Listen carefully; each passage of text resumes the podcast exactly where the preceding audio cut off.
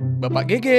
Iya pak Bapak gimana jantungnya Pak? Masih sakit Pak? Alhamdulillah sih pak udah sedikit mendingan Nih saya mau tanya sedikit Pak GG ya. Bapak tahu nggak Pak penyebab kenapa Bapak bisa terkena serangan jantung Pak GG? Hmm nggak tahu dong Emangnya kenapa ya kalau boleh tahu Ini setelah saya cek ya Pak ya. Mm-mm. Jadi ternyata serangan jantung yang Bapak GG alami ini disebabkan karena rokok Bapak. Oh syukurlah Lah kok syukur sih Pak? Iya syukurlah Kirain dokter mau nyalahin saya Hehehe, olah dalan, ya orang ngeyel.